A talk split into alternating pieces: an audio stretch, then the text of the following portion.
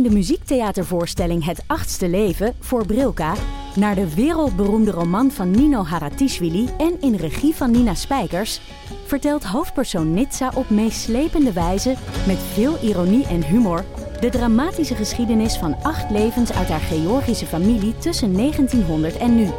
Een hartverscheurend en tegelijk troostrijk drama verteld vanuit het perspectief van vrouwen uit verschillende generaties. Waarbij het publiek meegenomen wordt op een emotionele, visuele en muzikale reis door de 20ste eeuw. Koop je tickets voor het achtste leven via oostpol.nl.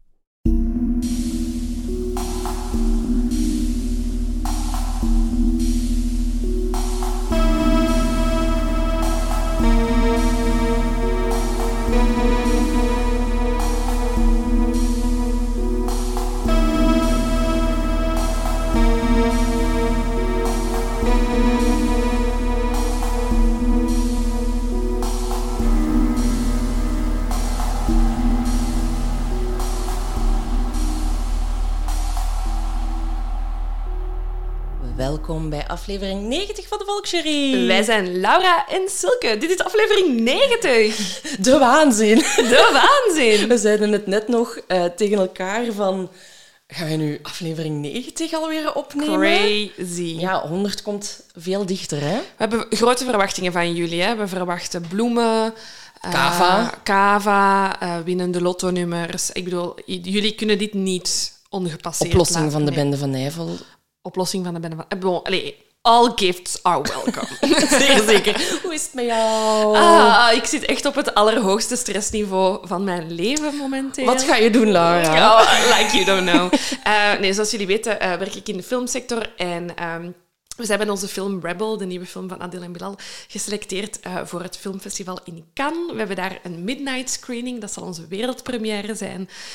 Um, laat het mij zo stellen, de film was een week geleden nog niet klaar. Uh, um, nog niet volledig afgewerkt, maar we zijn er, we komen er. De uh, film is, of de première is donderdag. ik ga mee. het is een heel geregeld, het is heel veel stress, maar ik heb er heel veel zin in. Ja, dat zal wel. Ja, het is echt... Ik ben ook zo fier. De film is echt, echt fantastisch geworden. Um, ik ben zo trots op iedereen. En um, ik heb er heel veel zin in om het harde werk beloond te zien. En welke celebrity wil je graag spotten? Uh, iedereen. Uh, nee, ik had, ik had dus gezien dat Tom Hanks daar was uh, oh, cool. voor, uh, voor Elvis. die zit ook in de tweede week van Cannes, um, die film. Hij speelt daar de rol van een manager of zo. Um, oh, of zo. Dus um, als ik hem tegenkom, ga ik een Dead Eyes mopje maken. Oh, moet je doen. Heel goed. Ik hoop voor u dat je hem tegenkomt. Ik hoop het ook. En voor de rest, alle celebs zijn welkom in mijn leven. Je hebt Adil en Bilal al, hè? Ja, dat is waar, dat is waar. Daar, ik, mag, ik mag mijn polletjes al kussen ah, van dat zal wel zijn. Hoe was uw week? Uh, goed, goed. Ik ben echt heel erg moeten bekomen van de week ervoor. Daar gaan Mhm. we het zo dadelijk nog over moeten hebben. Maar ik, ben, uh, ik had dan toch weer voldoende energie gespaard om zaterdag naar de Pride te gaan. Oh, was leuk! Het was zo goed. Het was gewoon echt wel zo... Het is altijd wel zo'n beetje een sfeer van, van thuiskomen of Ja. zo. Um, iedereen die zo gewoon draagt wat dat hij wil. En ook zo... Ik was daar dan zo met Aniek. En gewoon dat je elkaar kunt vastnemen. En allee, we hebben het er in de aflevering Ja. van Islan Jarfi al over gehad, dat dat soms wat moeilijker is voor ons. Mhm. En nu was dat gewoon zo van... oh, het mag gewoon. Eh, dus dat heeft mij ook wel weer heel veel deugd gedaan. Ja. Eigenlijk dat het... eh, ja, het is eigenlijk jammer hè, dat het dan komt. Ja, dat, dat is heel, dubbel. Het is heel, dubbel. inderdaad. Want ik was ook op de Pride en het is zo...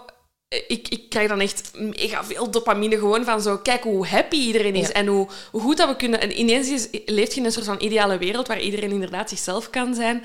Ehm, en dan vergeet je even dat dat eigenlijk echt een unicum is. En dat is zo pijnlijk. Ja, ja, ja, ja. En ook een beetje de dagen erna was een Ja. beetje, zelfs de dag zelf al een beetje ontnuchterend met wat dat er dan nog in de media is verschenen van mensen die het toch maar weer niet vinden kunnen dat, eh, dat wij op straat komen, omdat we hebben toch eigenlijk allemaal al onze rechten, dus waarom zeuren we nog? Mhm. Dat is eigenlijk de basic eh, waar dat het op neerkomt. Maar het feit dat er zulke stukken worden geschreven, is Bewijst. des te meer reden om eh, dat... om naar de Pride eh, te gaan. Dus ik vond het ook gewoon heel belangrijk om er, om er te zijn. En ja, nog maar eens aan te kunnen geven van kijk, wij zijn hier ook. Ehm, en ja, Een van onze luisteraars stuurde, kunnen we volgend jaar niet met de, de volksjury meelopen? En ik dacht, eh, ja, Ja.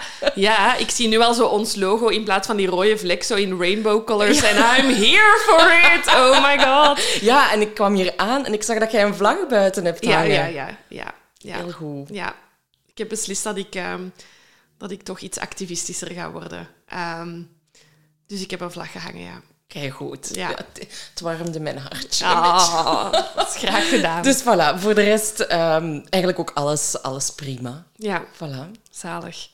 Tips? Ja, ik heb een podcasttip Mhm. in de aanbieding. Eh, het is een Nederlandse podcast. Stel je voor dat ik nu zo... Nee, bedankt. Move on. Hoef ik niet die Nederlandse podcast.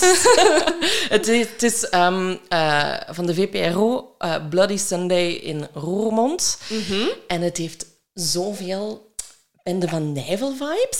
Ja, het is echt Kalashnikovs, Mm. eh, terroristische aanvallen in Roermond. En het gaat dan eigenlijk over de... er is een IRA-aanslag geweest. En niemand eigenlijk op de dag... Dat is geen collectief... Geen collectieve herinnering voor veel mensen. Het is ook onopgelost geweest, maar de, ja, ze gaan ervan uit dat de IRA erbij betrokken is geweest. En eh, de podcastmaker Frans Pollux ehm, is ook afkomstig uit de streek. Dus het is ook een heel fijne Limburgse podcast. Ehm, die gaat eigenlijk ja, spreken met betrokkenen die er toen bij waren, die het ook hebben zien gebeuren allemaal. Wat voor een impact dat op hun leven heeft gehad. En hij gaat eigenlijk ook op onderzoek uit van... Kunnen we meer achterhalen? Waren er mensen op de hoogte van dat er iets ging gebeuren of niet? Is het tegengehouden of niet? Of... Dus vandaar de bende van Eiffel Vibes. Maar het is ehm, zeer interessant. Gewoon omdat dat ook weer een stuk geschiedenis is waar ik nog nooit van gehoord had. Oké. Spannend. Ja, voilà. Ik heb ook een podcasttip. Ehm het is eh, de podcast Hey Paul van eh, Michel Cuvelier. Eh, en Michel wil ehm, een antwoord op de vraag... hey Paul, hè, van eh, Paul McCartney van de Beatles. How do you let it be? Een Eh, vraag die velen hebben, denk ik, de dag van vandaag. En natuurlijk start je met die podcast met het idee van dit is een muziekpodcast, dit gaat over de Beatles gaan, maar het is zoveel meer. En eh, ik weet ook niet of Michel naar ons luistert, maar Michel en ik zijn dezelfde persoon blijkbaar. Wij zijn, wij zijn één. Ehm, wij zijn niet zo goed in let it be'n. Ehm, het was heel herkenbaar, heel ontwapenend. Eh, Michel moet nog, nog heel veel podcasts maken. Nee, het, heeft, het werkte heel goed. Ehm, vijf afleveringen en ik heb ze gebinged. Ik heb echt zo, zo eh, al lang niet meer gehad, zo in uw auto blijven zitten om de aflevering Oh, uit te luisteren. Ja, ik vond het echt heel fijn. En het is, alles, het is, het is een, een allesomvattende podcast. Het gaat en over muziek, en over ehm, ja, uw welzijn, en over eh, wat je wilt in het leven. En het, is, het was heel interessant. Het is ook een beetje true crime, want ze, gaat, ze, ze wil echt op zoek gaan eh, naar Paul McCartney en ze wil hem die vraag persoonlijk stellen. Ah, ja, ja. En dan doet ze zo wat stalkerige dingen. All here for it. Echt met opnames. En ja, het was... het heeft Ah, mij... goed. Want misschien ga ik nu heel veel mensen beledigen, maar ik heb eigenlijk echt niks met de Beatles. Dat denk je tot je naar deze podcast aan het luisteren Ah, ja. bent. En dan heb je zoiets van, ah ja, nee, dat nummer, ja, dat, dat heeft wel een impact gehad op mij. En toch zijn er zo... Je vergeet heel veel dingen over de Beatles. Maar ik heb echt niks met de Beatles. Ik ken zo wel wat nummers, hè, maar Ja, maar ik denk dat je meer met de Beatles hebt dan dat je denkt. bon, we gaan het testen. Enfin, in ieder geval, als dat niet het geval is, is Michel een mega goede secteleider. En ik ben erbij. Vanaf nu heb ik iets met de Beatles. Oké, oké. Dus een, eh, een aanrader. Hey Paul. Goed, genoteerd. Voilà. Ehm, misschien moeten we het eens over de vorige week hebben. Ja, voilà. Want we moeten een paar mensen bedanken. Hè? Jullie, eigenlijk. nee, we zijn, eh, mochten jullie het nog niet weten, ehm, twee weken geleden, denk ik al Ja. ondertussen, naar eh, Amsterdam geweest ehm, voor de Storytel Awards. Ja, we, we hebben ons boek ingesproken en we waren genomineerd. Ja, en dankzij, Voor beste luisterboek uit Vlaanderen. uit Vlaanderen. En eh, dankzij ja, jullie massale support maar weer, hebben wij hier op de schouw naast de oorkonde nu ook een Storytel Award staan. Yep. begint al goed vol te raken. We hebben ook Zeg nog... zo'n dingen niet. Er is nog heel veel plaats, jongens. Dus elke keer als we vragen om te stemmen, stem. Nee, maar het doet altijd enorm veel deugd. Eh, zeker prijzen waar we weten dat, dat, dat fans kunnen stemmen. Gewoon omdat... eh, dan, dat is instant reward. Hè. We, we maken zo'n boeken voor jullie. We maken de podcast voor jullie. En als jullie dan een blijk van appreciatie geven door te stemmen, doet ons dat echt heel erg veel. Het was een super fijne avond. Het was chic. Amai, chique dingen. Het was chique dingen. Het was met drankjes en hapjes. En een hap en tap. Een hap en tap en een muziekje erbij. Nee, het was heel tof. Er heeft een drag queen opgetreden. Mijn avond was dan al goed. Zeker. Ehm, we hebben ook hele fijne mensen ontmoet. Oh, het zal wel zijn. Want de, de, de Vlaamse delegatie was daar. Ehm, en eh, Tony Koppers, um, ja, misdaad-thrillerschrijver, zeg maar, was ook genomineerd. en wij Ehm, waren eerst zo heel zenuwachtig om hem te ontmoeten, want ja, het is toch de, de Tony. Ja, de Tony. Maar ah, dat, echt, we vibeden echt vanaf moment één. Ah, ook eh, met zijn vrouw Aniek was er ook bij. En ja, we hebben eigenlijk een hele toffe avond gehad. Dus dat was eigenlijk nog de kerst op de taart van, van, de, van de awards. Ja, absoluut. Ehm, we zijn echt heel blij dat we daar, daar, naar daar zijn kunnen gaan. En ehm, we kregen dan ook onmiddellijk de vraag of we ook ons tweede boek zouden inspreken. Eh, lijkt me wel. Zeker. Doen we nog eens. Eh intussen tijd hebben we voor jullie ook nog een kortingscode van Storytel. Jullie kunnen de eerste 30 dagen gratis luisteren via story.tel slash de volksjury. Ik ga dit in de show notes zetten. You're welcome. Graag gedaan. Dat is graag gedaan. Ehm, ik heb nog een boekentip. Ja. Eh, die ik ook in Amsterdam heb gekocht. Eh, Ja. Want eh, de dag erna hebben we, hadden we afgesproken met de meisjes van Damn Honey. Ehm, die maken ons al maanden jaloers. Het is een Oh. Damn Honey, voor wie het niet kent, een Nederlandse podcast, een feministische podcast. Heel interessant. We hebben daar al eens een crossover mee gedaan. Dus we hadden zoiets van, meiden, we- we're in town. Ehm, kunnen we meeten? En ehm, niet zozeer omdat we Marilotte en Lydia graag wouden zien. We wouden vooral iets doen. Want die meiden zitten al maanden te teasen. Allee, Of toch in mijn ogen, mij te teasen. Het is niet op mij gericht, maar het, zo voelt het wel. Ehm, dat zij gaan zwemmen in de grachten in Amsterdam. Hè. Zij, in, in Putteke Winter zijn ze daarmee begonnen, in december. En af en toe posten ze dus een filmpje dat zij in het water springen en zwemmen in de Amsterdamse grachten. Dus ik dacht, ik wil jullie graag zien, maar ik wil vooral gaan zwemmen in de Amsterdamse ik, grachten. ik had gestuurd naar, naar Nidia en Marlot. hey, we zijn in Amsterdam, ze willen afspreken. En Laura zei meteen, ik wil gaan zwemmen met jullie. Dus wij met onze mini-slash-giga-kater ehm, afgesproken met hen in het water gedoken. Oh my god, we hebben dat gewoon gedaan. was zo leuk. Het was... Ja, want de- de- het, water, het was warm weer, maar het water is nog steeds ijskoud. En ik heb er dan gewoon niet te veel over nagedacht. En we zijn gewoon met z'n vieren tegelijkertijd dat water ingesprongen. En dat was echt zo... I'm gonna die. het was echt wel zo even zo... Ja, dat pakt ze op uw adem. Ja. Maar echt letterlijk.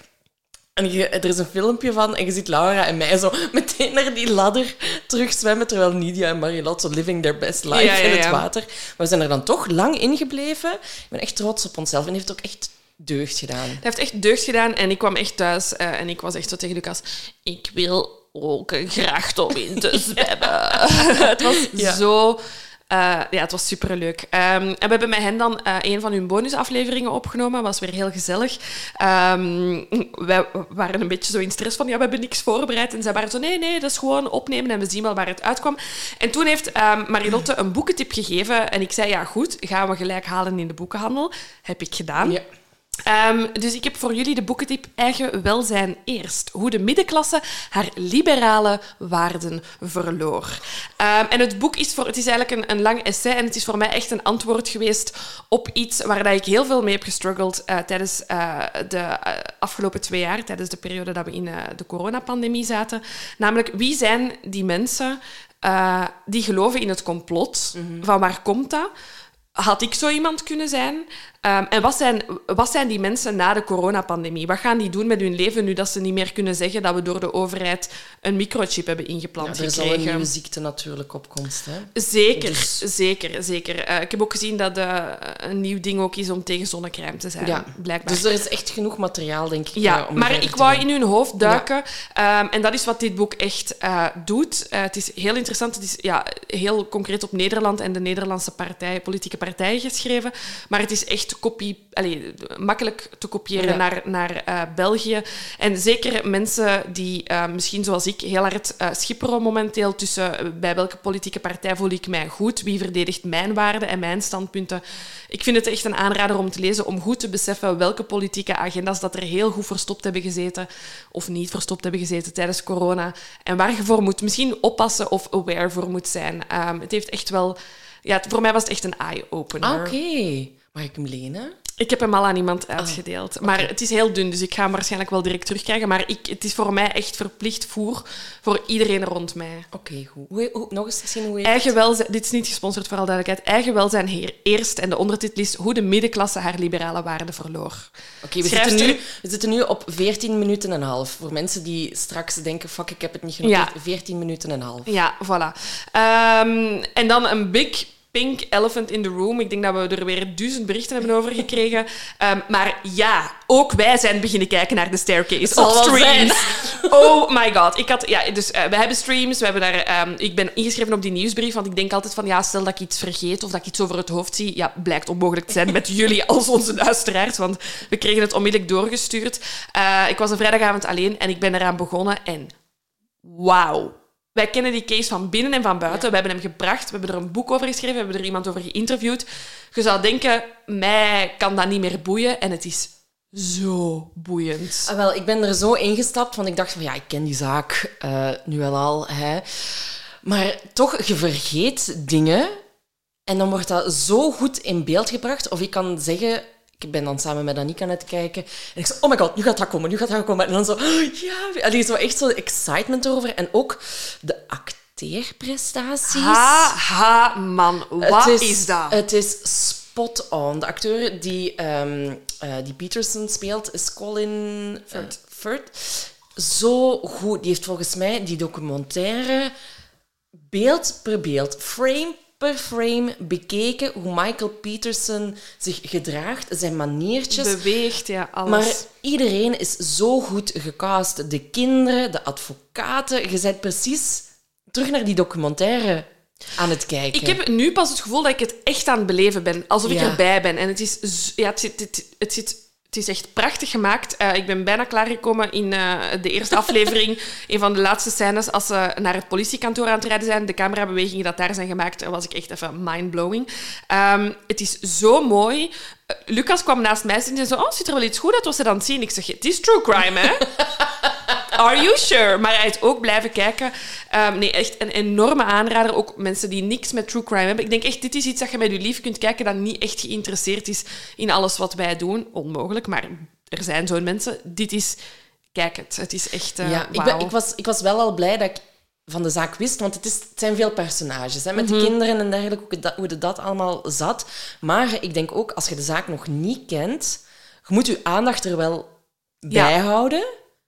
Maar het is zo, zo goed gedaan. Echt lang geleden dat ik zo'n goede serie heb gezien. Ja, eigenlijk. voilà. Dus, nee, ja, gewoon, ik, ik, ik, ik heb echt zoiets van... eh, zijn er nog afleveringen waar jullie iets over willen maken, Amerika? Want laat het weten.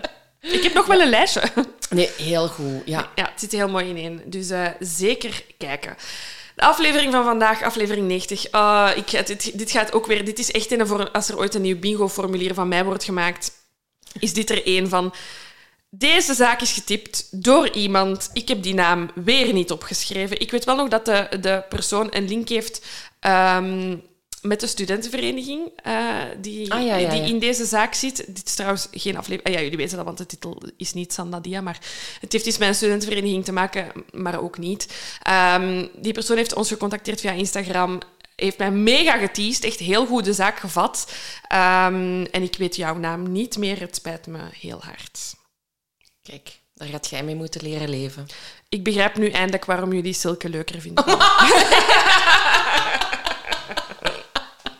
Ik wou het al niet zeggen. Kijk, nee, kijk. Ik heb een klein inleidingsske geschreven. Dat ga ik voorlezen. Dat is de eerste Dat is keer de eerste dat ik keer dat jij ja. iets voorleest, ja. Ja, heb ik echt nog nooit gedaan. The floor is all yours. Ik weet niet waar dit gaat eindigen. ehm, en dan duiken we erin. Ik weet wel waarom ik deze inleiding heb geschreven. Ik heb de dag ervoor aan ons boek zitten schrijven. en, Ah, en dus ik zat zo wat in, in de, de schrijvers-vibes. Oké. Goed geschreven. Oh, dank u. Meestal als Silke mijn hoofdstukken reviseert, is het zo... Sava, maar... Dat is niet waar, dat is niet waar, dat is niet waar, dat is niet waar, dat is niet waar. Wij, wij geven elkaar elke week de Nobelprijs voor literatuur. Oh, we zijn waarschijnlijk alweer heel lang bezig. Waar blijft die andere award? De Pulitzer Prize. Zoiets. Ik denk, ik denk nu daaraan. Maar een Oscar is ook goed. hè. Mag allemaal. Bon, here we go. We zijn juni 2006 in de assisezaal van de rechtbank in Gent. Op de getuigenstoel zit Suzy Pangilian. De tranen stromen over haar wangen, terwijl ze vol ongeloof naar de beklaagde bank kijkt. De stom verbaasde assisevoorzitter Dirk van der Kelen richt zich tot de beschuldigde. Begrijp ik u nu goed? Al anderhalf jaar lang beweert u dat u geen idee heeft wat er in die zes minuten is gebeurd. En nu, hier in de rechtbank, met alle ogen op u gericht, weet je het ineens wel. De 21-jarige Pieter, eh, Peter, sorry, even staircase. Peter knikt ja. Ik ben er zeker van. Ik heb Katrien niet vermoord. Wauw, goede inleving ook. Ik denk dat een- je mensen mee hebt. Ik heb mensen mee. Eh, Dank je wel daarvoor. Eh, het is zo, Silke en ik hebben ook naar elkaar gestuurd. Dit is zo'n fascinerende zaak. Tegelijkertijd hebben we dat ook gestuurd Op hetzelfde elkaar. moment naar elkaar. Ehm, dus let's dive in. Ik heb al wat namen laten vallen, maar laten we beginnen met de persoon die Peter niet heeft vermoord. En dat is Katrien Schelfout. Ja, eh Katrien, haar volle- volledige naam is Katrien Camille Schelfout en ze wordt door familie en vrienden ook wel Casey genoemd. En eh, zij is in 1984 geboren in Manila, de hoofdstad van de Filipijnen. En haar mama, eh, die, eh, ja, wanneer dat Katrien eh, vier jaar oud is, die gaat haar zus bezoeken. En die woont hier in België, in eh Sint-Gilles-Waas. En ehm, Suzy, hè, de mama, die leert op een gegeven moment tijdens haar bezoek textielfabrikant Ronnie Schelfout kennen. Lekker Vlaams. En het is love in the air, want die twee worden echt stapelverliefd op elkaar. En ze trouwen en Ronnie denkt van, kijk, Katrien is ook mijn dochter, hij adopteert haar. En ehm, het wordt eigenlijk een, een nieuw samengesteld gezin. Want Ronnie heeft al twee zonen en een dochter uit een eerdere relatie. En samen met Suzy krijgt hij ook nog een zoontje, Jason. En eigenlijk is Katrien haar jeugd heel fijn. Hè? Zorgeloos, Ja, ja. ja, inderdaad. Ze, ze gaat ehm, naar de middelbare school Onze Lieve Vrouw presentatie in Sint-Niklaas. Fun fact, ik heb daar nog filmopnames gedaan. Ehm, ze was heel sociaal, ze kon heel goed luisteren naar andere mensen die problemen hadden. Die kwamen bij Casey terecht. Ze was ook een heel slim meisje. Ze was heel creatief. Dingen waar ze heel graag bezig was waren design, mode, eh, wooninrichting. Dat was echt haar ding. Ehm, zo hebben ze ook eh, in hun woning een klein boutiqueke geopend ehm, toen dat de, eh Catharine al aan het studeren was, waar dat ze dan ehm, kleren zou kunnen verkopen. Ze had de naam zelf gekozen van de boutique en hij heette Insania, het Latijnse woord voor waanzinnig. En je zou denken, huh? En ze zei dan, ja, van waanzinnig mooie kleren. Ja, zeker. Eh, verder, eh, ze, ehm, haar hobby's waren eh, ja, echt... Katrien en ik, we have a vibe. Hè, dus ze heeft al Insania, de winkel. Ehm, en haar andere hobby's zijn shoppen, naar de bioscoop gaan, boeken lezen en met de computer bezig zijn. Dit is zo early 2000. Maar I love ik it. ben, ook bedacht. ik ben met de computer bezig. heel, heel grappig. Ehm, ze woonde dus in Sint-Gilles-Waas, maar ze zit op kot in de eh, Koningin Astridlaan in Gent. Ze zit in haar eerste jaar marketing op de campus aan de Hen- Henlekai. Eh, en het jaar ervoor heeft ze bedrijfskunde eh, gedaan, maar ze was gebuist, dus is ze overgeschakeld naar marketing. Ja, ehm, wat ik daar nog over wil zeggen is eigenlijk, haar ouders vonden dat helemaal niet erg dat ze in haar eerste jaar dat ze gebuist was. Die hadden zoiets van, die vindt haar weg wel. komt er wel, Ze ja. komt er wel. En haar ouders waren er eigenlijk ook niet eerst voor te vinden dat ze op kot ging. Maar ze had ook zoiets van, ja, ze is 18 en ze moet haar eigen weg vinden. Ze wil die vrijheid. Ze wil zelfstandig kunnen wonen. Maar sowieso voor ouders is dat moeilijk. Dat is hè? moeilijk, maar girl is into fashion, dat gaat ze niet in Sint-Gilles-Waas vinden. Dat moeten die ouders ook beseffen. Dus Ja. zijn agent. En het is op, op kot dat ze verliefd wordt. hè? Ehm, op haar eh, ja, 19-jarige Limburgse kotgenoot Peter Feijen. Ehm, hij studeerde daar om industrieel ingenieur te worden. En ehm, het is dan op een gegeven moment tot een echte relatie gekomen. En nadat ze ja, naar een feestje waren geweest, veronderstel ik in de vooruit, nu 404. Goed, hè? Echt heel goed. en ehm, aan het begin van dus het, nieuwe academiejaar uh, beslissen ze om ja, samen een studiootje te gaan huren en om daar samen te gaan wonen. En Suzy zegt daar nog over van, ja, over dat samenwonen, ik was daar niet zo per se van overtuigd. Niet, niet omdat ik Peter geen toffe gast vond, maar dat ging gewoon om de Filipijnse cultuur. Daar trouwt je eerst voordat je gaat samenwonen. Maar bon, Katrien had Suzy moest zich daar niet voor excuseren. In Vlaanderen trouwde ook eerst voordat je gaat samenwonen. Zeg. Dat zal wel zijn. Zeg, goed ingeburgerd, dat denk ik. Mm. maar uh, ja, Peter was een rustige, sympathieke jongen en alles ging eigenlijk wel goed. En um, Katrien heeft zich op een gegeven moment ook aangesloten bij een studentenclub, Moeder Lies. Goeie naam. Ja, heel goed. Um, en zij werd eigenlijk verantwoordelijk um, voor alle feestelijke activiteiten. Ja, ja. voor wie niks met studentenclubs heeft. Uh, ik heb het even gegoogeld en Moeder Lies is uh, nog altijd actief. En is de studentenvereniging voor zo de economische uh, richtingen. Oh. Ja, voilà. Oké. Okay.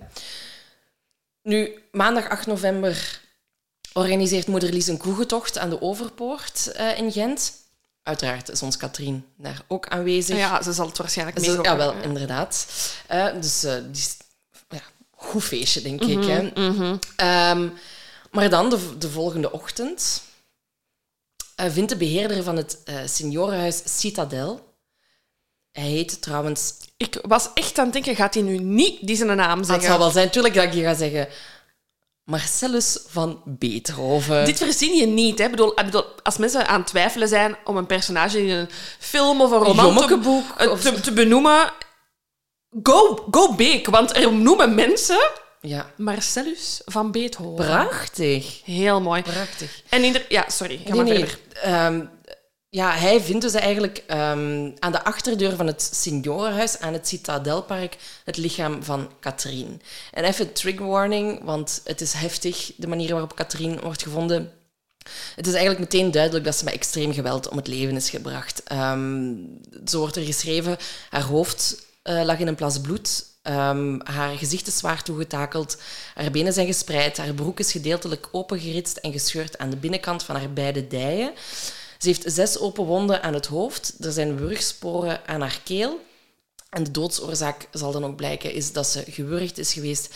En ja, het spreekt voor zich dat ze eigenlijk gestorven is tijdens een uh, gewelddadig uh, gevecht. Ja. En wat dat ze dan ook nog hebben geconstateerd, is dat de dader moet nog met de knie of elleboog op haar borstkas en buik gedrukt hebben. Ja.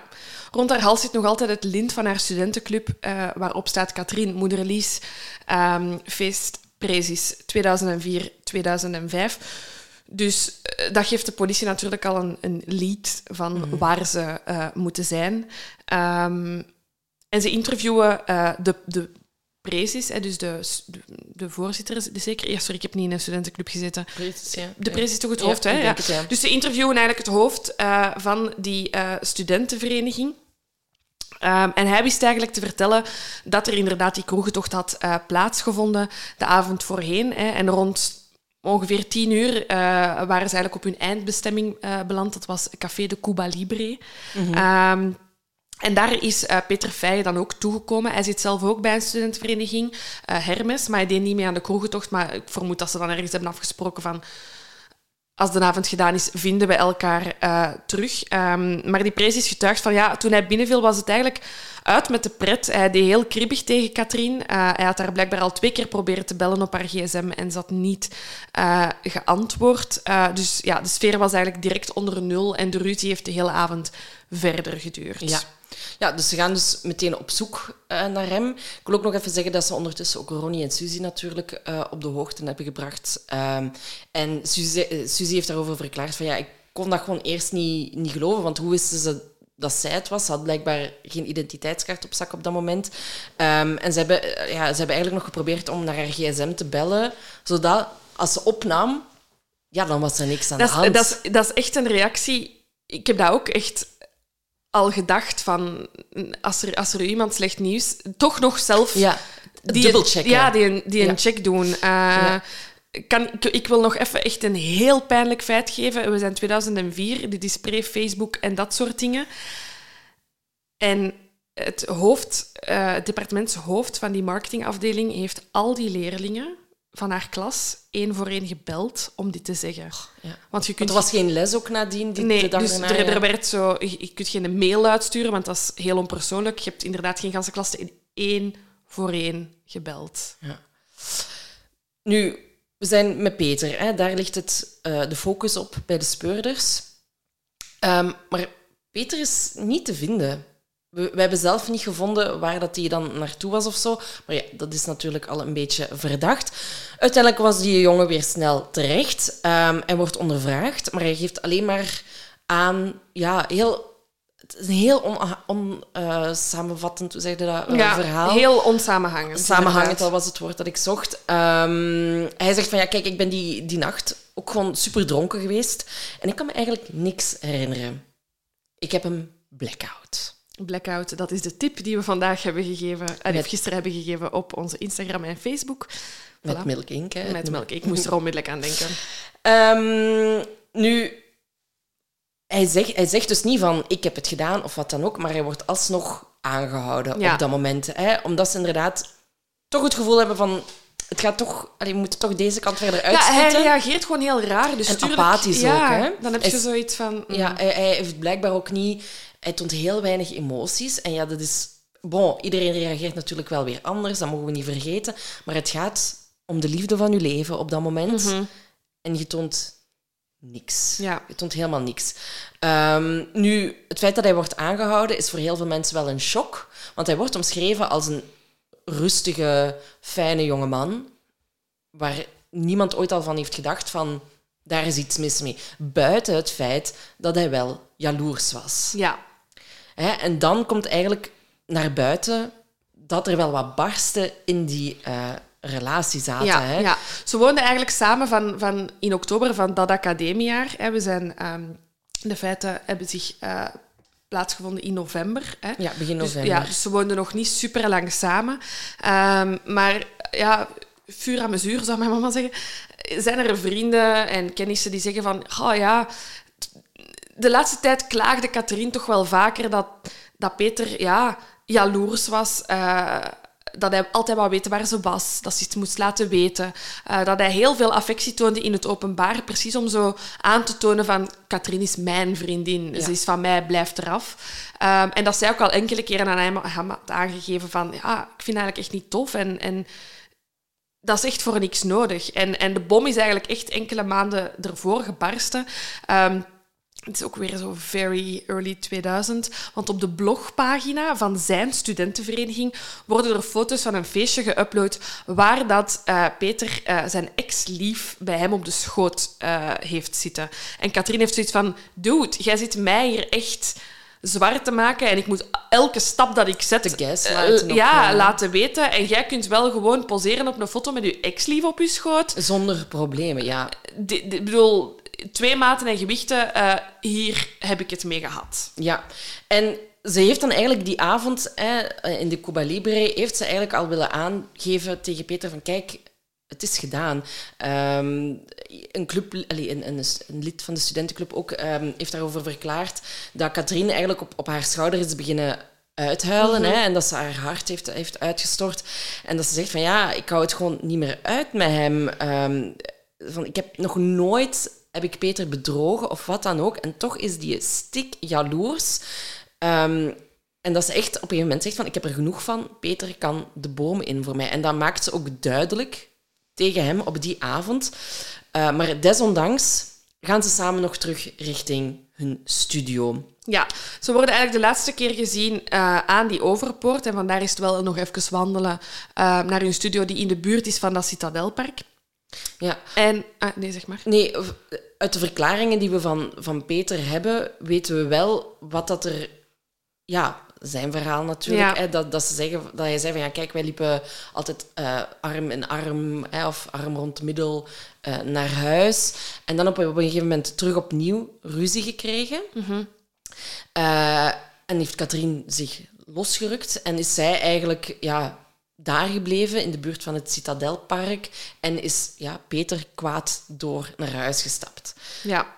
En dan heeft hij een telefoontje gekregen. Ja, dus wat, wat de speurders eigenlijk in de dagen nadien uh, doen, is hij, ver, hij verklaart inderdaad van kijk, ik ben thuisgekomen in onze studio. Ik heb daar een telefoontje gekregen van Katrien. En in zijn eerste verklaring zegt, en het volgende wat ik weet is dat ik mijn kleren heb uitgedaan en in bed ben gaan liggen. Um, maar de speurders onderzoeken dat telefoonverkeer, kijken ook naar de zendmasten waar dat hem heeft uitgehangen. En zij zeggen van, sorry, nee, nee, je hebt dat telefoontje gekregen en je bent dan teruggegaan mm -hmm. naar het Citadelpark, waar je haar het laatst hebt gezien. En dan zegt Peter van, ja, oké, dat kan wel kloppen. Um, ik heb misschien ergens nog wel een vage herinnering dat ik na dat telefoontje zoiets had van, oké, okay, Katrien, je kunt eerst een trein naar huis pakken, maar ik ga je nu niet alleen laten. Ja, want dat had ze gezegd, dat ze terug naar haar ouders ja, zou gaan. Zij zegt, ik wil de eerste trein naar huis pakken. En hij zou dan dus naar hun kot zijn gegaan en dan teruggekeerd zijn naar het Citadelpark, waar hij haar het laatst heeft gezien. En daarvan verklaart hij, daar heb ik haar niet meer gevonden. En dan ben ik teruggegaan naar het appartement. Um, en dan ben ik gaan slapen. En andere dag stond de politie aan ja, zijn deur. Ja, wat dat, wat dat wel ambetant is voor hem, of wat dat gewoon ja, in, zijn, in zijn nadeel uh, uh, spreekt, is dat dat telefoonverkeer kan echt ja, tot op de minuut worden gecontroleerd. En ze zien dat er uh, een, een, zeker één moment is geweest waarop, waarop hij op minder dan 10 meter was dan, de, dan van de vindplaats van Katrien. maar hij blijft volhouden dat hij tussen dat telefoontje uh, en de weg naar huis niet meer weet wat dat er gebeurd nee. is. Nee, en wat ook in zijn nadeel spreekt, is dat na verloop van tijd het indirecte bewijs zich wel begint op te stapelen. Ja. We hebben aan de ene kant het uh, gsm-verkeer al. En dan, een week na de feiten, zegt Peter... Ik wil een leugendetectortest doen. En wat weten we nog over die leugendetectortest? We hebben het al zo vaak gezegd. Als je onschuldig bent, doe je hem niet. Maar als je schuldig bent, heb je natuurlijk niks te verliezen. Want als het apparaat dan zegt, je bent schuldig, ja, dan zeg je gewoon, sorry, maar dat ding werkt gewoon niet. Um, en wat zegt de leugendetector over Peter? Dat hij meer dan waarschijnlijk de dader is. Ja. Maar bon, hè, hij claimt dus dat het niet gewerkt heeft, maar er is nooit een tweede leugendetectortest uh, geweest. Nee. Um, dus ja, tot dan toe is er nog steeds geen materieel bewijs tegen hem. Maar er wordt ondertussen wel een DNA-onderzoek uh, bevolen. Maar blijft Peter ook wel in de cel. Ja, er zijn nog een paar belangrijke gebeurtenissen um, eind november en begin december. Op 16 november wordt er een waken georganiseerd door de studentenvereniging. Die stapt van de Overpoort naar het Citadelpark, wat heel luguber is, want dat is dus effectief de weg, of de laatste weg die Katrien heeft um, afgelegd. Er waren meer dan duizend aanwezigen. Heel veel. Op 18 november doet de politie een heel bijzondere oproep. Mhm. Ik vind, bedoel, we zijn echt we zijn een, een, paar weken na het onderzoek en ehm, nee, zelfs niet een paar, ja, tien dagen na het onderzoek.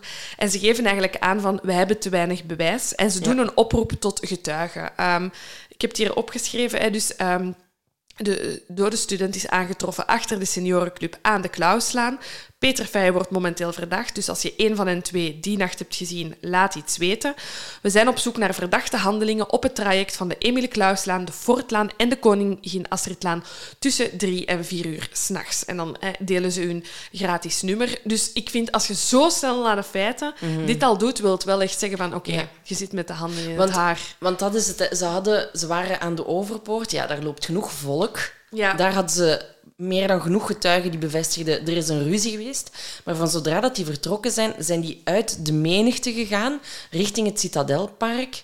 Ja, daar loopt nog wel wat volk rond, maar ja, ze hebben, ze hebben daar niks of niemand. En er is ook niemand naar voren gekomen. Nee, nee, nee. Op 20 november ehm, is het dan eh, de spijtige begrafenis eh, in de Klingen. Ehm, ik heb een paar dingen opgeschreven. De lievelingsmuziek van Katrine is gedraaid. Dat ging van Marco Borsato tot R.E.M., maar ook een techno-nummer bij de offergang Love It. Ehm, er zijn witte ballonnen opgelaten. En dan eh, op het bitprintje staat een heel emotionele tekst van de ouders. Ehm, Ik ben nu toch bezig. Ik ga hem voorlezen. Je had nog zoveel plannen, maar je werd op gruwelijke wijze om het leven gebracht. Op een manier die we nooit zullen begrijpen. Dit hadden we nooit verwacht. Je groeide van klein verlegen kleutertje op tot een mooie jonge vrouw. We gaven je de kans om te ontplooien. Zo is je bo- boutique Insania ontstaan. Helaas heeft jouw creatie maar even mogen duren. Wat is er gebeurd, meisje? Waarom heb je ons niet geroepen toen het misging? Helaas zullen we het nooit weten. Je was een pracht van een bloem, uniek van geur en kleur, zomaar vertrapt zonder de kans te krijgen om volledig open te bloeien. Auw, dat komt binnen. Ik vraag Ja. me echt af als hij dat leest, wat hij dan voelt. Niks. De, Anyway. theorie, de theorie bewaren we voor straks. Bon, op, we zijn 5 maart 2005 ondertussen. Ik wil even zeggen dat ze gestart zijn, of DNA hebben, ehm, het onderzoek van DNA hebben opgestart in december 2004 en in maart 2005. Ik heb opgeschreven, haha, hoe lang kan het duren, man?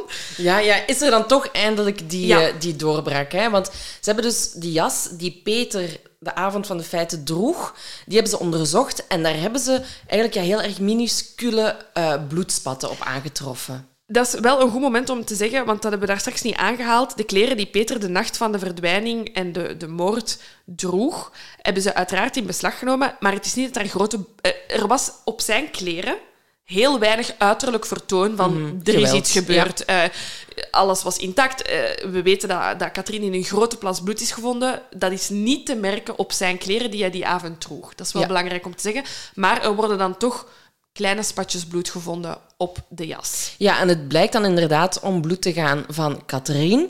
En ja, dat is wel echt gewoon voor, voor de, de speurders wel een concreet bewijs al. Maar Peter, die zegt... Ja, ik had die jas helemaal niet aan die dag.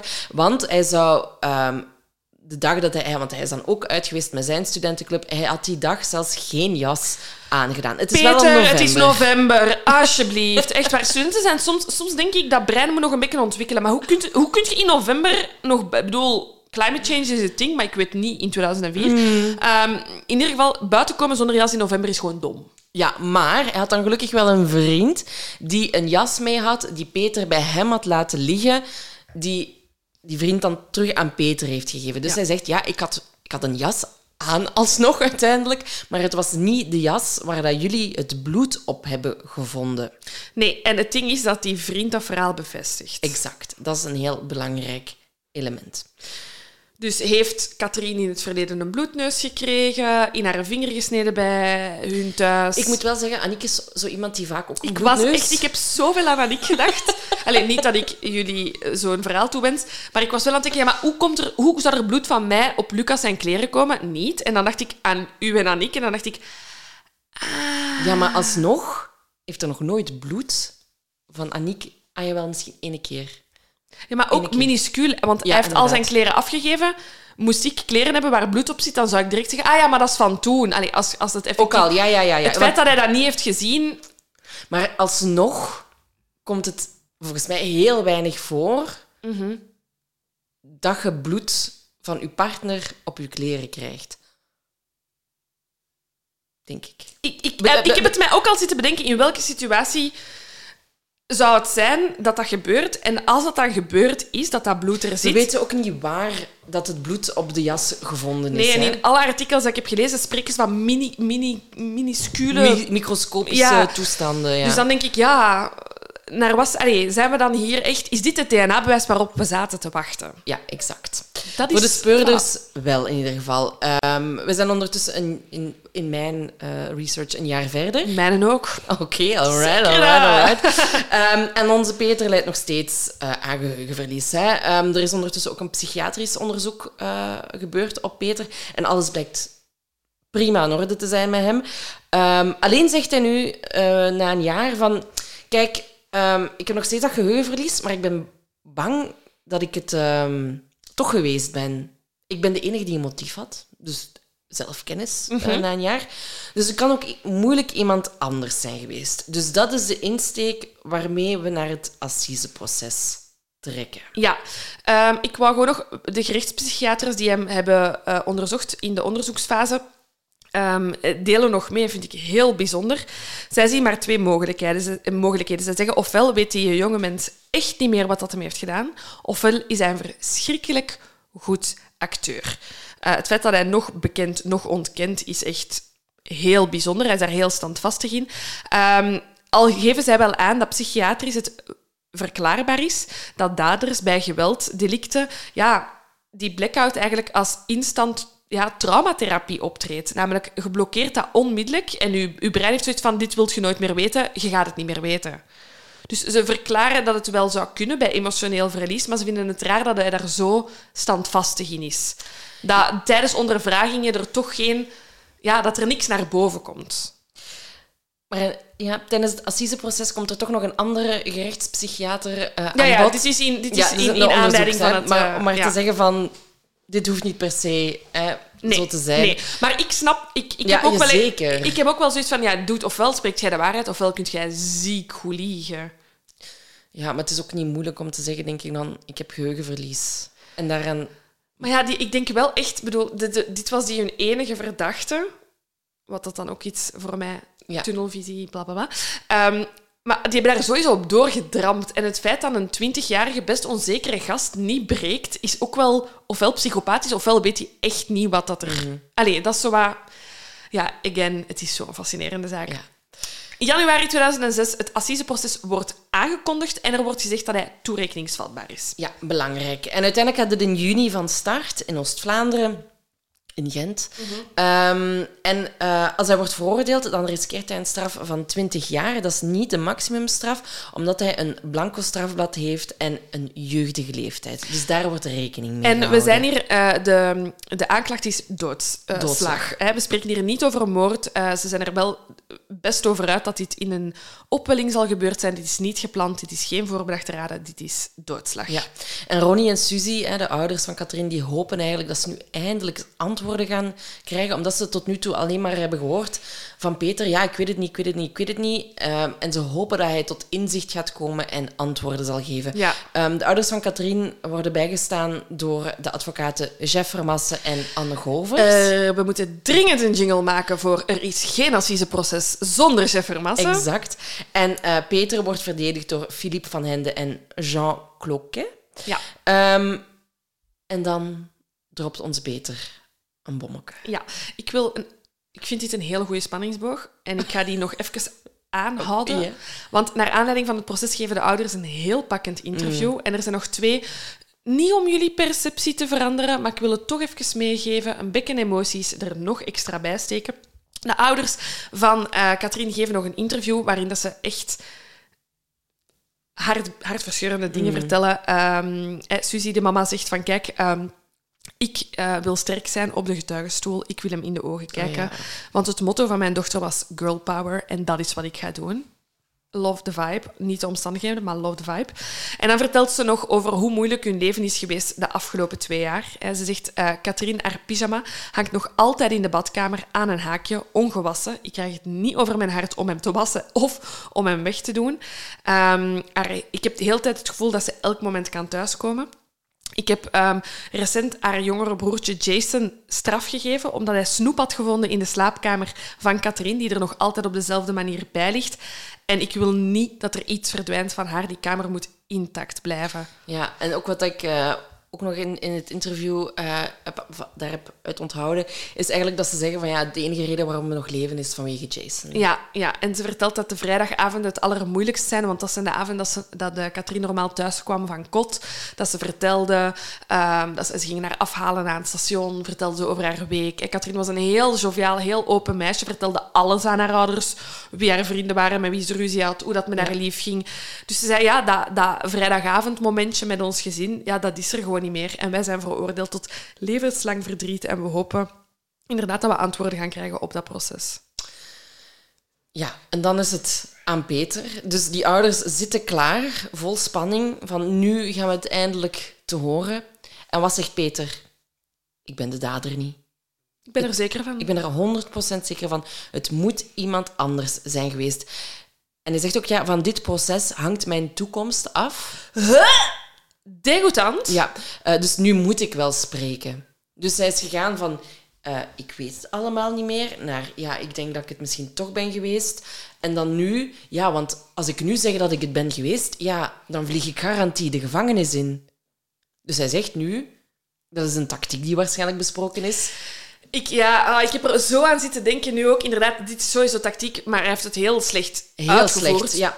Want door te zeggen, ik moet nu wel spreken, want mijn toekomst hangt hier vanaf, ja, dat is gewoon heel dom.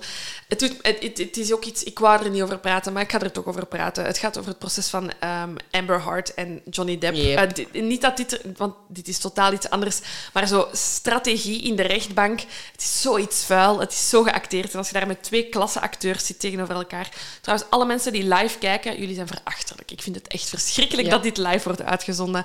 Ehm, maar thema daar, ik, ik zag hem, ik, ik, ik, ik, ik hoor, ik was er niet bij, maar ik hoorde Peter zeggen: Ik heb het niet gedaan. En ik dacht: Oh, je bent gewoon slecht gebriefd door je, door ja, advocaat. ja. En jullie hebben een tactiek gekozen die niet past bij uw persoonlijkheid. Want oké, nu lopen we misschien vooruit op de feiten. Als hem al had gezegd van... Als hem eh, bij zijn verhaal was gebleven van... Kijk, het kan hè, dat ik het ben geweest, maar ik weet het gewoon niet meer. Geef Dan- mij het voordeel van de twijfel. dan krijg je al veel in. meer sympathie. Dan, Absoluut. je moet op de sympathie van de volksjury spelen op dat moment. Zouden jullie ons ook niet super graag als advocaten willen? Wij zouden dat zo goed Zeker. doen. Wij zouden, wij zouden het toch beter gedaan. Ik had wel Peter niet verdedigd. Ik had Katrien verdedigd en echt, ik had hem kapot We gaan een gemaakt. stage lopen bij chef Vermassen. Hij zou het willen. Zeker. Hij zou het willen.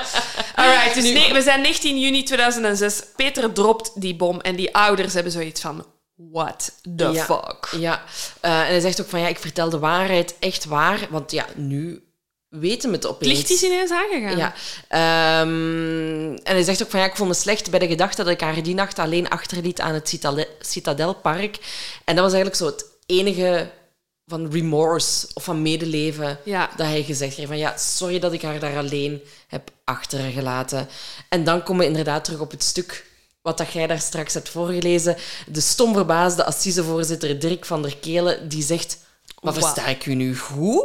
Ehm, en hij zegt ook van ja, Catherine is uit onderzoek is gebleken niet aangerand en niet bestolen geweest. Eh, en je hebt, eh, blijkbaar heeft, heeft Peter tijdens zijn verklaring aangegeven dat ze wel moet gedood zijn door iemand die jaloers is of die afgewezen werd omdat het zo heftig was en dat het dan toch niet anders kon dan dat hij het eh, was geweest.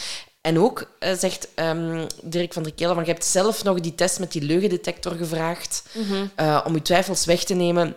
Maar toen dat dan inderdaad verkeerd uitviel, heb je gezegd van ja, maar de uitslag klopt niet. Ehm, en bovendien vindt eh, Dirk van der Kelen het ook verdacht dat hij niet, ja, geen emoties toont als het om haar gaat. Ehm, en Peter antwoordt, die kan eigenlijk alles weer meteen weerleggen. Hij zegt, ik heb haar niet gedood, maar omdat iedereen beweerde van wel, begon ik dat zelf te geloven. En over die leugendetector kan ik kort zijn. Hoe kan ik in godsnaam nu liegen over iets dat ik mij niet herinner? En ik verzeker u, ik heb enorm veel verdriet, maar ik kan het niet tonen. Het was de grootste stommiteit van mijn leven om Catherine die nacht alleen achter te laten. Was ik bij haar gebleven, dan leefde ze nu nog. Dus er, zijn, er zitten bepaalde elementen die ook wel voor hem spreken. We hebben vaak gezien mensen die uren aan een stuk ondervraagd worden, die bezwijken dan ook op een gegeven moment. Dus ja, het, het kan, hè. Ja. Het kan. Ik heb hier even uit de akte van in beschuldigingsstelling even de facts. Hè, Ja. Waar dat de verdediging van Katrien ehm, hard op wil gaan. Ehm, in de ochtend na de feiten zou er toch een krap letsel in zijn nek gevonden zijn. Eh, tussen de benen van de dode Katrien eh, lagen twee papieren zakdoekjes. Ehm, op, haar, eh, op die zakdoekjes is zijn DNA en dat van Katrien gevonden. Eh, zijn gsm is op 10 meter geweest van de plek waar dat Katrien gevonden is. We hebben die zwarte vest waar bloedspatjes op zaten, die van het slachtoffer zijn. En dan wordt gerechtspsychiater Roger de Bert erbij gehaald. Ehm, hij is opgeroepen door de verdediging en... In het artikel staat, hij gelooft geen zier van het blackout-verhaal van de jongeman. Hij zegt, het is hoogst onwaarschijnlijk dat er in deze situatie geheugenverlies zou optreden. Dan is dan Peter en eh, zijn advocaat om... Ah, sorry. Ja, ik, ik wil misschien nog heel even verder over wat de, de Ja. dokter exact eh, zegt. Ehm, Wat ik opschrijf is niet voldoende. Je moet haar kop nu zien. Echt goud. Goud. Kijk, het is net, net, net alsof er geen assisezaak is zonder chef, is er geen aflevering zonder een correctie van. Maar het is geen Maar- correctie. nee, nee, maar love it, hè. Je bent altijd beter voorbereid. Nee, nee, dat is niet waar, want je hebt ook al dingen... Kijk, Laura heeft ook al dingen gezegd. Misschien moet ik dat dan maar meer aantonen vanaf nu, wat ik niet had opgeschreven. maar stop, I love it, I love it. Dat jij gewoon... Jij zet de Nee, het, van het ons is gewoon een quote van, van, de, van de dokter. Give it to me. Uh, hij zegt, het bleef mij pijnlijk treffen tijdens het hele onderzoek dat gebrek aan gevoelens, die quasi-onverschilligheid die Peter Feijen aan de dag legt voor de dood van het meisje met wie hij toch een heel intense relatie heeft gehad, al was die de laatste tijd erg versomberd. Misschien was het een pose voor een stuk, maar ik ervaarde bij hem geen enkel menselijk gevoel van medeleven voor het jonge slachtoffer. Hij negeerde de uitslag van de test met de leugendetector en redeneerde daarop volgens mij erg simplistisch. Hoe kan ik nu treuren voor iets dat ik mij niet herinner? Als ik er geen herinnering aan heb, dan kan ik het toch niet gedaan hebben. Dat klopt dus niet. Zo'n pijnlijke ervaring vergeet je nooit. Wat je het hardst beroert, wat je het meeste aanspreekt, dat nestelt zich vast in je geheugen. Voor altijd. Geen ontkomen aan. Er is ook geen enkele medische reden om aan te nemen dat zich een psychogene amnesie heeft voorgedaan. Dus hij weerlegt totaal wat er in het onderzoek ook mogelijk was geweest, hè, van de trauma. Ja. Dus je hebt eigenlijk twee dokters die elkaar ja tegenspreken. Ja. Maar dokter Roger de Baer, hè, van uh, wat we net hebben gezegd, die zou zeer gerenommeerd zijn.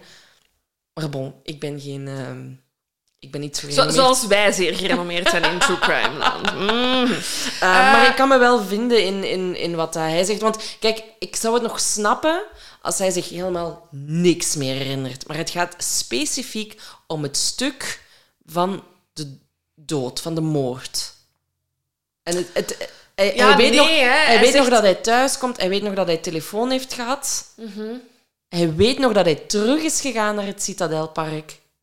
En dan opeens niks meer. Maar dan weet hij wel nog terug dat hij in bed is beland. Dus het gaat echt om het stuk waar dat Catherine vermoord is. En dat vind ik dan moeilijk om te geloven dat het net dat stuk alleen is dat je je niet meer herinnert.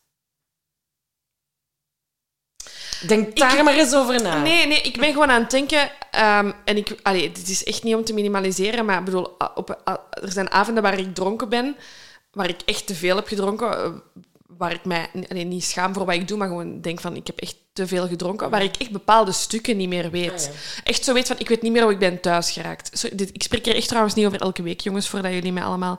Maar er zijn wel, ik heb zeker één of twee avonden waar, waarvan ik s ochtends wakker word en denk ik weet niet meer hoe ik thuis ben geraakt. Ja. het ding is wel, ik denk, moest ik die avond gemuild hebben met vijf gasten, dat ik het wel nog zou geweten hebben. Snap je? Intense gebeurtenissen.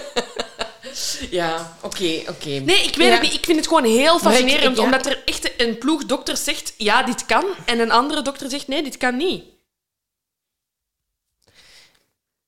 Ik vind, ik vind, het, ik vind dat het tegen hem spreekt. Dat hem net dat stuk, net dat stuk niet meer weet. Want mhm. al de rest van die avond weet hij wel nog. Ja, ja, ja, ja, ja, ja, ja. Hij zegt het zelf ook. Hij kan elk drankje opsommen dat ik in elk café heb gedronken. En ik, eh, ja, ja. ja. We move on. We move on. Um, ik heb, eh, dus ik heb zo uh, zijgetuigenis, dan heb ik uh, verschillende getuigen. Ja, doe maar. Oké. Okay. Um, dus uh, zijgetuigenis is voor mij de meest waardevolle. Want hij is precies een therapiesessie met zichzelf aan het doen. En hij vertelt dingen waarvan ik ook weer denk... Dat hebben nu advocaten niet goed gebriefd. hè? Dit is nu iets wat ik niet heb opgeschreven, dus... Peter wordt ondervraagd op de getuigenstand en hij zegt van kijk, ja, we hadden een hele goede relatie, een intense relatie, we waren toekomstplannen aan het maken, we fantaseerden over kinderen. Ik ben helemaal opengebloeid um, in die relatie. Um, en dat is eigenlijk allemaal fout gelopen op het moment dat die foto van mij en mijn ex-lief um, ja, op de website van de uh, Hermes Studentenclub terecht is gekomen.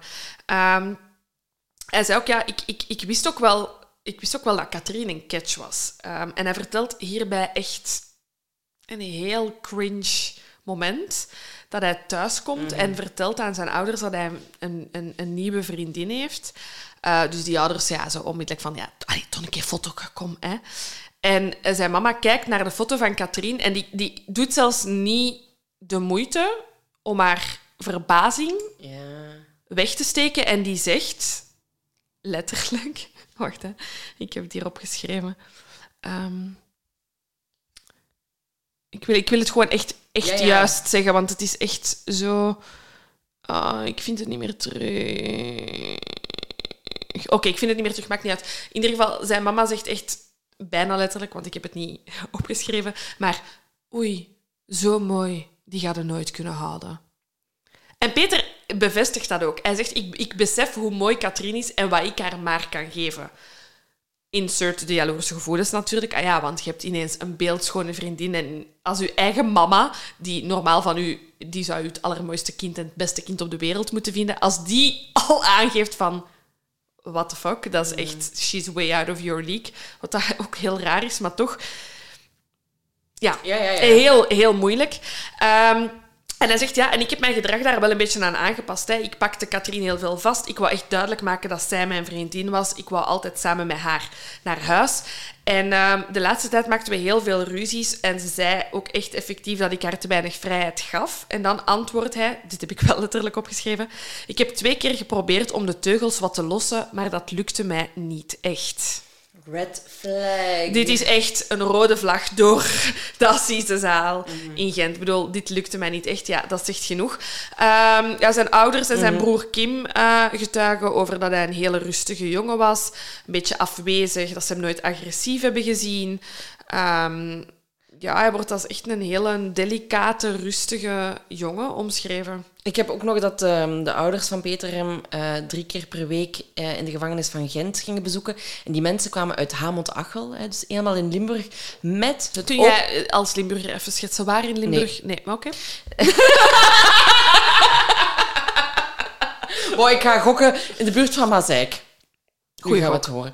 Ehm, en die ging daar helemaal, eh, ging daar helemaal met het openbare vervoer Ah. naartoe. Dus mensen weten, alle- we hebben allemaal wel al eens de trein genomen. Die Vanuit Limburg? ja, maar me- meid van Hasselt naar Antwerpen. Meid, ik zal u eens een verhaal vertellen. Ja. Dit is ook weer zo too much information. ik heb ooit een lief gehad die in Genk woonde. Ja, en echt zo letterlijk om negen uur daar al de laatste trein. Maar dat was de eerste keer dat ik daar thuis was. En die mama heeft mij toen helemaal terug thuis afgezet. Dat is ook cringe. En toen stapte, en toen stapte ik uit en die zei zo... Ja, ik wil dat voor alle lieven van mijn zonen doen, maar wel maar één keer. En dan was ik zo... Bye! Tot begrepen. Goeie vibes. Maar als je vanuit, vanuit Hasselt naar Antwerpen moet, je bent anderhalf uur onderweg met de trein, hè? Anderhalf uur. Maar is dat dan geen sneltrein? Nee, dat is... Nee, nee, dan volgens mij bestaat dat nog steeds niet. Anderhalf uur. Ehm, en de ouders van Peter zijn van Hamont-Achel naar Gent, heen en terug, in totaal zes uur onderweg. En die doen dat drie keer per week. Maar ja, weet je, dat is het ding, hè. Die hun leven is ook verwoest, hè. Dat mogen we echt niet vergeten, hè. Ja, maar ja, dedicate... Ik bedoel, Mhm. dat, is, dat is de liefde voor, u- voor uw kind, hè. Maar, Tuurlijk. eh, Ik heb een bijzondere getuigenis opgeschreven van twee eh, Gentse cafébazen. Die hebben Peter en Katrien zien ruzie maken in de Overpoort. Ze spreken van heftige woordenwisselingen en brede armgebaren. Weglopen, achterna lopen, teruggehaald worden. Allee, mhm. de ruzies, je kent ze. Ik hoop dat jullie ze allemaal niet kennen, maar je kunt je er wel iets bij voorstellen. Ehm, en een van de kroegbazen zei van ja, ik vond de houding van de jongen heel agressief. Ik heb schrik dat hij het meisje eh, zou ehm, slaan. Eh, en toen hij de volgende ochtend het nieuws hoorde dat er een meisje dood is gevonden aan het Cisadelpark, heeft hij de politie gebeld en heeft hij gezegd: Kijk, ik denk dat ik die mensen gisteren ruzie heb Ja. zien maken. En ik had toen al schrik dat er iets ging mislopen. heeft gelijk gekregen, helaas. Hè? Ehm, ik heb nog iets over het sporenonderzoek op de kleren. Dus we hebben het al over het bloed gehad. Ja. Maar ehm, er werden op de, op de kleren die ze onderzocht hebben bij eh, vezels aangetroffen van elkaar. Dus vezels van Peter zijn kleren op Katrien en omgekeerd. Ja. Ehm, wat eigenlijk normaal is voor een, voor een verliefd koppel, hè, want je ligt altijd in elkaars armen en dat soort dergelijke dingen. Eh, maar er waren geen vezels van een eventuele derde persoon die het meisje dus, allee, die dus Katrien vermoord zou kunnen hebben. En daarop zegt eh Jeff Vermassen, zie je wel, als Peter Feij haar niet gedood heeft, dan zou het wel een naaktloper geweest moeten zijn. Maar, repliceert eh Philippe van Hende, de advocaat van Peter, ehm, er zijn bij Peter en, en eh Catherine wel wederzijdse katoenen en wollen vezels gevonden, maar niet van Peters jas en Katriens broek, want die waren gemaakt uit synthetische stoffen en die geven geen vezels af. Dus ook de dader, die zou zulke kleren gedragen kunnen hebben. En hij geeft een voorbeeld, eh, kleren van motorrijders bijvoorbeeld, die geven ook niet zulke eh, vezels af. Nee. Dus het kan nog steeds zijn dat er een derde partij bij betrokken is geweest en dat er gewoon ja, geen bewijs van is, omdat die bepaalde kleren had, aan had die, eh, die geen bewijs achterlieten. En dan moet de jury ehm, gaan beraadslagen. Hè? Ja, ik heb nog een klein eh, mini-bommetje dat gedropt werd in de rechtbank. Ah. Because why not? Eh, dus anderhalf jaar hebben die speurders heel hard geprobeerd om Peter op de knieën te krijgen aan de hand van die telefoongegevens. Hè, door aan te tonen van, dan waart je daar, dan waart je daar. Je waart op 10 meter van die vindplaats. En helemaal op het einde ehm, geeft eh, ehm, de openbare aanklager aan. Weet je wat, die zes minuten dat hem daar geweest is, hè, rond die plek waar dat haar lichaam gevonden is, vergeet dat maar. Eigenlijk maakt dat niet uit, eh, want hij kan daar inderdaad ook geweest zijn zonder haar te vermoorden. Enfin, je moet er geen rekening mee houden. Dus die jury zit daar en die hebben zoiets van... Hier is een hele verdediging opgebouwd over hij was op de plek, hè, want dat is wel heel belangrijk. Daar zijn we vrij zeker van. En nu ineens telt dit niet meer. We hebben maar halve vezels, we hebben niet echt DNA-materiaal. Je geeft ons niks meer om mee te werken. Wat zijn we aan het doen? En dan, eh, wat we nu gaan zien, wat die jury doet, is super intelligent. Ik vind het echt geniaal. Ze, ze, ze zitten dus een goed uur samen en ze komen er al uit met zeven stemmen ja en vijf stemmen nee op de schuldvraag of, van Peter. Dus wat wil dat zeggen? Ja, voor de mensen die nu niet, nu niet al zo "Oh!" zijn.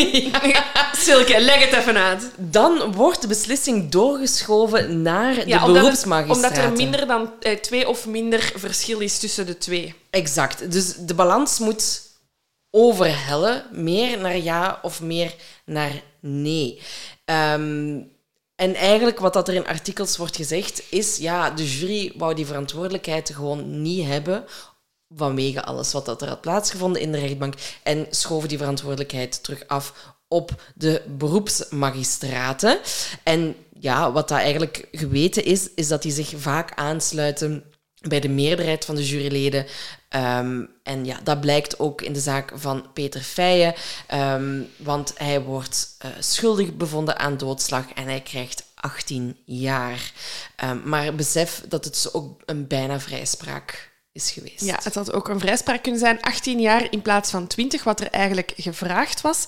Ehm, waarom geen maximumstraf? De procureur-generaal verklaart zijn jonge leeftijd en blanco strafblad als verzachtende omstandigheden. Ehm, wat nog altijd heel opvallend is. Ehm, ik heb nog eh, een beetje aftermath. Ja? En zullen we dan in onze theorieën duiken? Ja, Want goed. ik heb echt nog van alles te zeggen. Oh ja, natuurlijk, dat dacht ik al wel. Eh, fun fact, Osman Kali Ja. en Peter eh, zitten op hetzelfde moment in de Gentse gevangenis. Ehm, wat heb ik hier nog opgeschreven? Eh, Ah ja, over het feit dat in, het, in datzelfde jaar er nog zaken zijn waar dat er mensen veroordeeld zijn voor een hele grote straf zonder echt eh, direct bewijs.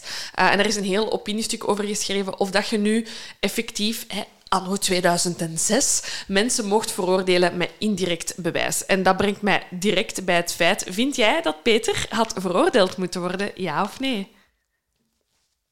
Ben je onschuldig tot de schuld bewezen is, of ben je schuldig tot je onschuld bewezen is?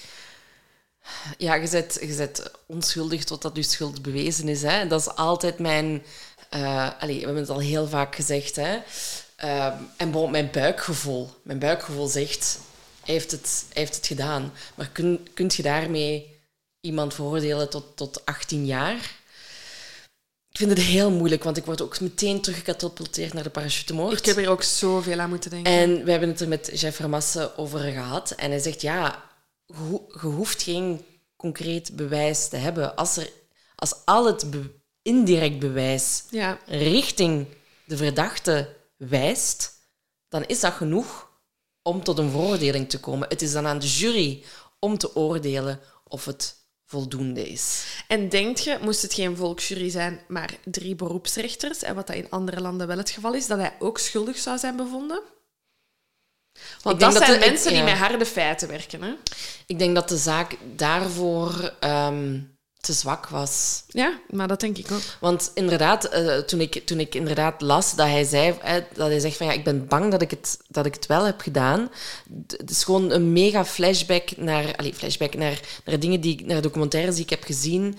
De confession tapes, Ja. denk ik. Mensen die, ik weet niet hoe dat het hier natuurlijk is Nee, nee, gegaan, nee. maar die uren aan een stuk worden bevraagd omdat speurders in die tunnelvisie zitten. En zeggen van ja, maar ja, we hebben, we hebben wel aanwijzingen dat jij het bent geweest en daar blijven doorhameren, niet met andere opties komen, daar zelf in vastzitten. Ja, je zou het voor minder gaan geloven dat je het zelf hebt gedaan. Alleen vind ik het zo raar hoe dat hij...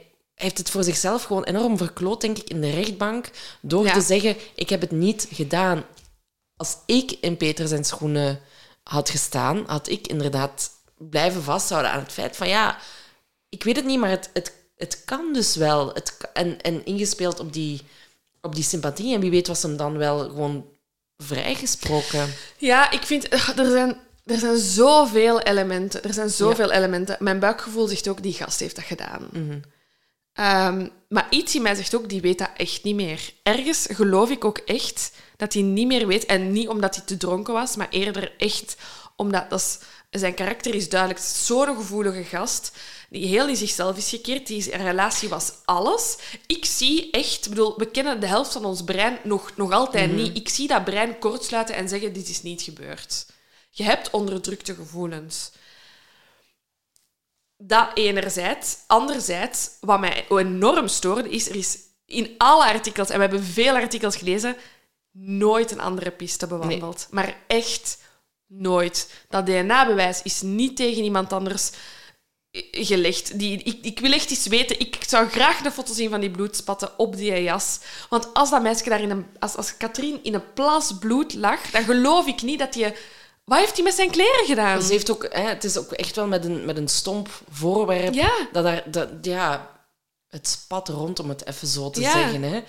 Dat kan niet dat dat niet op hem is, is terechtgekomen. En ook, je moet dan nog naar huis. En oké, het, is, tussen drie uur en vier uur s'nachts. Maar iemand...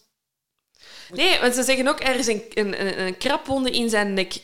Is er DNA van onder haar nagels gehad? Ik, er zijn zoveel dingen, en ik, ik kan dat nu natuurlijk wel zeggen, want ik ben geen onderzoeker, maar ik mis... Ik mis... Als, ik, ik heb zoiets van, als hij het zou hebben gedaan, zou er meer bewijslast kunnen zijn die ik nergens terugvind. Ofwel is hij echt zo... Zo'n eh, psychopaat, dat hij is thuisgekomen, die kleren heeft weggesmeten. Maar er is dus niks vastgesteld in zijn psychiatrisch rapport Nee. dat daarop wijst dat hij, dat hij een psychopaat zou En heeft hij zich gewassen, gedoucht? Allee, dat is de andere optie. Want ik, ik kan me gewoon niet voorstellen na zo'n strijd, wat het ongetwijfeld geweest is. We weten, Katrien heeft zich verweerd. Ik bedoel, die haar kleren zijn gescheurd. Die ligt daar in keiveel bloed. Daar, die dader moet daar iets van hebben meegedragen tot op een bepaald punt. En dat vind ik gewoon heel moeilijk. Ehm, mijn gevoel zegt ook dat hij het heeft gedaan, maar is dat omdat we enkel hem als optie hebben? Ja. Ik weet het niet. Is het... Ja, het is, het, is, het is heel makkelijk om, om in die tunnelvisie Ja. te geraken. Nu, met alles wat dat we weten over de relatie en de jaloersheid en dergelijke Alles meer. spreekt tegen het is, hem. Het, het, het, het, het is namelijk zo geweten dat... Het is niet zo, of het is heel ongebruikelijk, laat ik het zo nuanceren, dat er iemand in de bosjes gaat wachten totdat er iemand passeert om dan toe te slaan. Ja, Bij Julie van Espen was het wel, wel, zo. zo. Ja. Maar dat is nog steeds eerder uitzonderlijk Mhm. dan dat uw partner u iets aandoet. Tuurlijk, statistisch gezien is het de grootste kans dat hij het was. En je hebt die achtergrond van die ruzies, eh, die discussies die ze hebben gehad. Dus mijn, mijn- mijn gevoel zegt ook... Hij heeft het gedaan. Ik vraag me gewoon af, is er meer DNA-materiaal waarmee ze aan de slag kunnen nu, anno 2020? Ehm, ik vermoed, Peter zit in- nog altijd in de gevangenis. Hij zal dat wel opvolgen op een of andere manier. Als hij heel zeker is van zijn stuk, zou hij een onderzoek kunnen vragen. Ehm, gebeurt ook niet. Nee. Ehm, We weten ook niet, ik heb ook niks meer gevonden over waar Peter zich nu bevindt. Is hij ondertussen vrijgelaten? Of ja, zit hij nog- 2006, wacht hè, 18 jaar. Dus is gedeeld door drie, als hem zich gedraagt. Toch? Mhm, mhm. Allee, of gedeeld door twee, laat ons dat dan nog voor de Dus makkelijkheid in principe zeggen. zou hij... Tien jaar, dan zou hem vrij moeten zijn. Maar daar heb ik dus... Ik heb er dus niks, eh, niks over gevonden. Of, ehm, in ieder geval, als hij zijn straf zou uitzitten, Ja. helemaal, dan zou hij nu ook binnenkort eh, ja. vrijkomen, denk ik. Ja, nog een laatste vraag. Iets waar dat ik ook mee zat. Iets waar dat ze regelmatig mee afsluiten. Hij had een blanco strafblad, dus hij krijgt strafvermindering. Kun je een 20-jarige die nog maar twee jaar de kans heeft om een strafblad te hebben, vrijspreken voor een blanco strafblad? Ja, dat vind ik wel. Want het gaat ook, denk ik... Bon, ik denk dat, dat vaak... Dat denk ik dan ook wel gekeken wordt naar hoe dat je in je jeugd bent geweest. Ja. Dat dat ook wel ergens... Als je al een kleine boef waart, denk ik dat, daar, criminal. denk ik dat daar misschien ook wel misschien rekening mee zou ge- gehouden worden, omdat er dan meer kans misschien bestaat op recidieven of whatever. Ik weet het niet, hè. ik ben maar luid op aan het speculeren. Nee, nee, ja, dat zijn gewoon Dus- dingen waar dat ik zo mee zit. Zo van, ho- hoe lang kun je dat excuus van zo'n blanco strafblad gebruiken? Of van- vanaf wanneer kun je dat... Ja, ik denk gewoon omdat hij nooit in aanraking is geweest met justitie. Oké, oké. Maar ik ga stout hè, wat ik nu doe. Ehm Kim de Gelder had ook een eh, blanco strafblad. wat ik niet wil, ik wil niet zeggen dat Peter een psychopaat is eh, in die zin, of een sociopaat zoals dat. Nee, maar, maar misschien inderdaad dat, dat- dat, er, dat er... Omdat zijn psychologie... Omdat het in een vlaag van, van waanzin is gebeurd. Bij Kim de Gelder, daar zijn voorbereidingen aan Ja, vooraf ja, gegaan. Hè? Ik denk dat, dat, dat daar... Het ging om doodslag. Bij Kim de Gelder ging het effectief wel om moord, om verschrikkelijke... Allee, bon, niet, dat dat, niet dat het te vergelijken valt of zo, maar, maar ik denk dat dat wel echt ehm, verzwarende omstandigheden zijn geweest. Mo- Moeten we eens een aflevering over maken om... eh, Absoluut, heel graag. Voilà, dat is de zaak van... ehm, Ik weet niet wat ik had gedaan in de jury. Ik had in deze zaak echt niet graag in de jury willen zitten. Ik denk dat ik nee had gestemd. Gewoon omdat er... Omdat er niet hard genoeg... eh, er, is, er is in principe niet veel, ni- niks eigenlijk. Nee, ik ben heel benieuwd naar, dat, naar die bloedspatten. Ik vind, ja, dat, dat, mij, wat ik gewoon zo denk is, kan gewoon niet dat je niks daaraan hebt overgehouden. Dat er nergens ander iets tastbaar. Ehm, anderzijds denk ik ook wel, zelfs als je je niet meer herinnert wat je die avond hebt gedaan, als je zeker bent dat je het niet hebt gedaan, dan zeg je niet, ik heb een blackout. Ja, ja, ja. Ehm, want dat heeft echt in zijn nadeel gespeeld. Hij had even ook kunnen zeggen, ik heb niet, nee, ik ben gaan slapen, einde. Ik weet het niet. Ah, het is echt een Moeilijk. moeilijke zaak, maar heel Fascinerend, hè? Om af te sluiten hebben we nog een, ehm, een klein cadeautje voor Een jullie. klein cadeautje, Een klein cadeautje. Silke, wat heb je daarnet gegeten? Ik heb een mix van van alles gegeten. Laura had weer lekker gekookt met spulletjes van, met productjes van eh Hello Fresh. Ja, eh, HelloFresh, eh, we love you. Ik vind het echt superleuk dat jullie sponsoren. Ehm, maar zoals jullie weten vertrek ik naar Cannes en ik zat met die doos. Ehm, ah, het was superleuk, want ik had dus nog twee gerechten over voor twee personen. We moesten met vier eten. Ehm, dus ik heb eh, gecombineerd. het kan allemaal. Het kan allemaal. Ik heb een, eh, klein receptje zelf bedacht. Eh, Oh, wow. ja, ja, want ik had, ik, ik had één Aziatisch getint en het andere was niet Aziatisch getint. Ik dacht, ja, ik moet dat Aziatisch maken, want ja, anders gaat het niet samen. Ehm, dus het was heel leuk. Ehm ja, Silke is zelfs zo ver gegaan door te zeggen dat ze nog meer HelloFresh wilt. Dus eh, bij deze, als jullie luisteren, HelloFresh, wij moeten gesponsord worden door Ik jullie. verwacht morgen weer een doos, dus ik ben benieuwd wat er weer in gaat Wat, wat is uw favoriet dat je hebt gekozen? Er is toch Favoriet? altijd zo één gerechtje van de zes dat je zo zegt... Oh, van, ik weet niet hoeveel pakt jij er? Eh, nu iets minder, want Het was te veel. Het was te veel. Maar één gerechtje zodat je zegt... Daar kijk ik het meest naar uit. Goh, ik heb nu, ik heb nu ehm, eh, niet meteen van, van de volgende box, maar ik heb ehm, iets heel lekker gegeten. Dat was met tofu. Oh, En- jam, jam, jam. En ik, ja, ik was geen fan van tofu, maar goede marinade. Of gespreten, dat was zo marin, mar, Heel goed. Heel was, was, dus ik ontdek ook wel echt dingen dankzij HelloFresh. Maar dat ook, hè. Echt, er zijn inderdaad echt combinaties. Gelijk, een van de dingen die dat wij nu hadden... Sorry, ik... we- Veel te lang weer aan het We zijn hier veel te lang over aan het praten, maar ik ben ook echt wel een beetje enthousiast over HelloFresh. Um, iets dat ik zo vaak op Instagram zag passeren, zo van die bloemkoolsteaks. Hè? Dus dat je een bloemkool echt als, Ja. allee, in een stuk... Dus dat kwam erop en ik was oh my god, eindelijk kan ik het proberen. Precies, ik dat zo zelf niet kan proberen. Maar dan krijg je zo de kans, ah ja, en iemand gaat mij uitleggen hoe ik dit moet doen. Ja. Dus daar word ik wel eh, ja, enthousiast van. Ja, exact. En wat is het cadeau nog dat we hebben? We hebben een klein cadeautje voor iedereen die het nog niet heeft geprobeerd, want we hebben 75 euro korting op onze eerste drie boxen. Dat kan met de code HELLO Volksjury 75. Ook deze zal ik in de show notes zetten. Kijk, doe je goed, meid. Dat was het weer. Ja, la- ja laat ons weten wat dat jullie ervan denken. Ik ben echt benieuwd. Stel dat jullie in de volksjury zaten in deze zaak, eh, de moord op Katrien, wie zouden jullie, zouden jullie voor de vastzetting hè, van Peter hebben gestemd? Ja of nee? Voilà. Laat het ons weten. Dankjewel, dag. Bye! Nog even over die grootse en epische muziektheatervoorstelling. Het achtste leven voor Brilka is een marathonvoorstelling van 5 uur. Koop je tickets voor deze bijzondere theateravond via oostpol.nl.